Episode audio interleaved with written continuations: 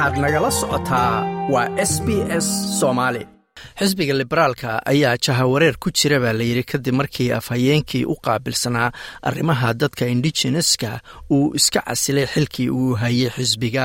Julian liiser oo sidoo kale mucaaradka u hayay jagada afhayeennimada xeer ilaalinta guud ayaa sheegay inuu xisbiga kaga aragti duwan yahay halka ay ka taagan yihiin aftida codka lagu siinayo bulshada indigeneska ee dalkan iscadsilaadiisa ayaa imanaysa maalmo uun kadib markii ken wayat oo ay xisbiga ka wada tirsanaayeen uu xisbiga oo dhan isaga baxay isagoo sababta tan master liason oo mid la mid a qiil uga dhigay iscisilaadiisa isagoo ka soo laabtay ciidda easterka ayuu master liaser go'aankan uu qaatay ku sharaxay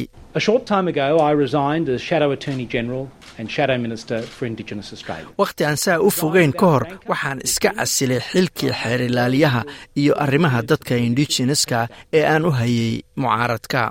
Waxaan iscasilay aniga oo aan qabin caro ama nacayb waxaan si buuxda daacad ugu ahay xisbiga liberaalka waxaana iga go-an taageeridda hoggaanka peter dutton.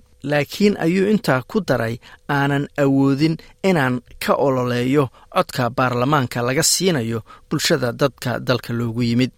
Julian liaser ayaa iscasilay kadib markii xisbiga liberaalka uu si rasmiya ugu dhawaaqay inay ka soo horjeensanayaan hindisaha dowladda ee codka lagu siinayo bulshada indigeneska ah oo dhammaadka sanadkan afti loo qaadayo xildhibaanada safka dambe ka fadhiista baarlamaanka ee aan xil gaar ahayn laguma khasbo inta badan inay mar walba talada xisbiga raacaan.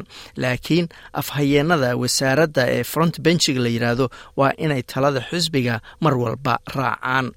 Master liaser ayaa sheegay inuu iscasilay maadaama uu wakhti dheer taageersanaa cod baarlamaanka laga siiyo dadka indigeneska ah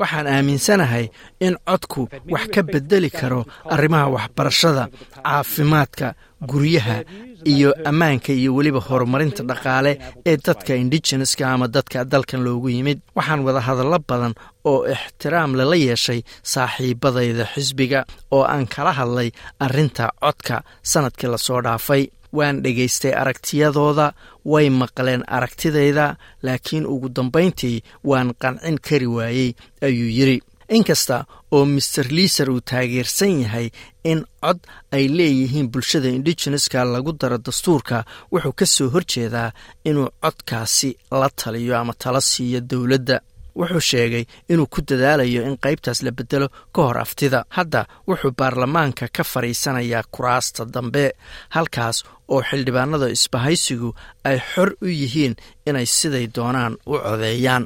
Hogaamiyaha mucaaradka peter dutton ayaa ku ammaanay master liason wakhtiga dheer ee uu u soo shaqaynayay xisbiga liberaalka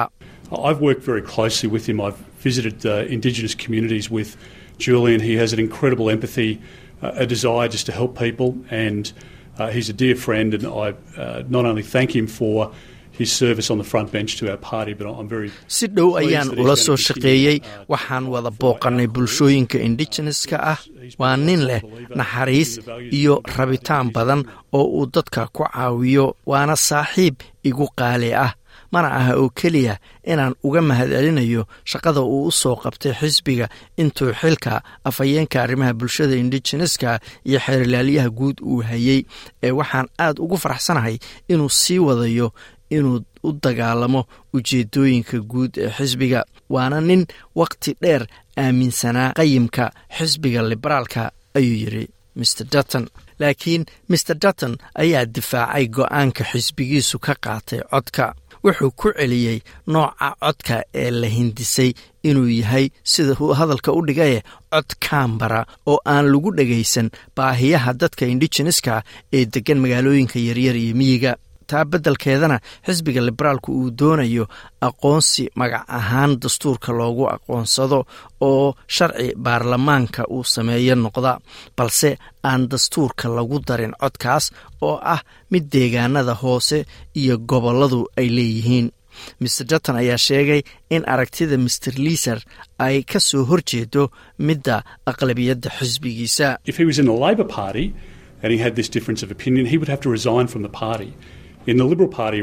haddii uu xisbiga laybarka ka tirsanaan lahaa oo uu ka aragti duwanaan lahaa waxay noqon lahay inuu xisbiga oo dhan iska casilo. Laakiin xisbiga liberaalku wuxuu awood u leeyahay inuu aragti ka duwan xisbiga qabo laakiin golaha wasiirada mucaaradku waa inuu midaysan yahay taasoo kuu diidaysa inaad qaaddo waddo ka duwan go'aankii goluhu isku raacay ayuu yidhi. Wasiiradda arrimaha dibadda dowladda federaalka ee dalkan australia penny wong ayaa ku ammaantay maer liiser inuu iska casilay golaha sare ee xisbiga mabda uu aaminsan yahay awgiis. Waxayna sheegtay inuu go'aankiisu muujinayo inuu yahay qof go'aan adag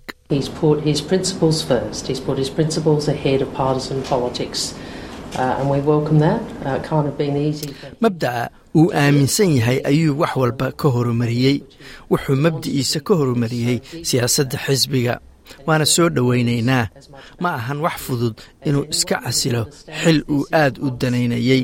Cid ka badisana ma jirto arrinta bulshada dalka loogu yimid wuxuu fahamsan yahay inay fursad halkii qarnimo mar la helo ay tahay oo wax looga bedelayo nolosha shacabka aborijinaalka iyo torres straight islandarka loona soo xiro farqiga nololeed ee u dhexeeya noloshooda iyo tan shacab weynaha dalka intiisa kale.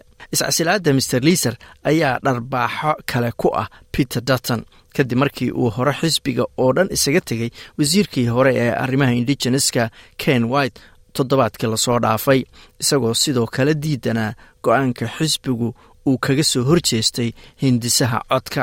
Xildhibaanada bridget archer iyo senator andrew bragg oo labaduba ka tirsan xisbiga liberaalka ayaa sidoo kale si cad u sheegay inay taageerayaan hindisaha codka. Ayna soo dhoweynayaan go'aanka maer liiser thomas mayo wuxuu xubin ka ahaa koox ka soo shaqaysay arrimaha aftidan. Wuxuu sheegay inuu rajaynayo in xildhibaano kale oo liberaal ah ay ka soo horjeesan doonaan hoggaanka xisbiga oo ay taageeri doonaan codka baarlamaanka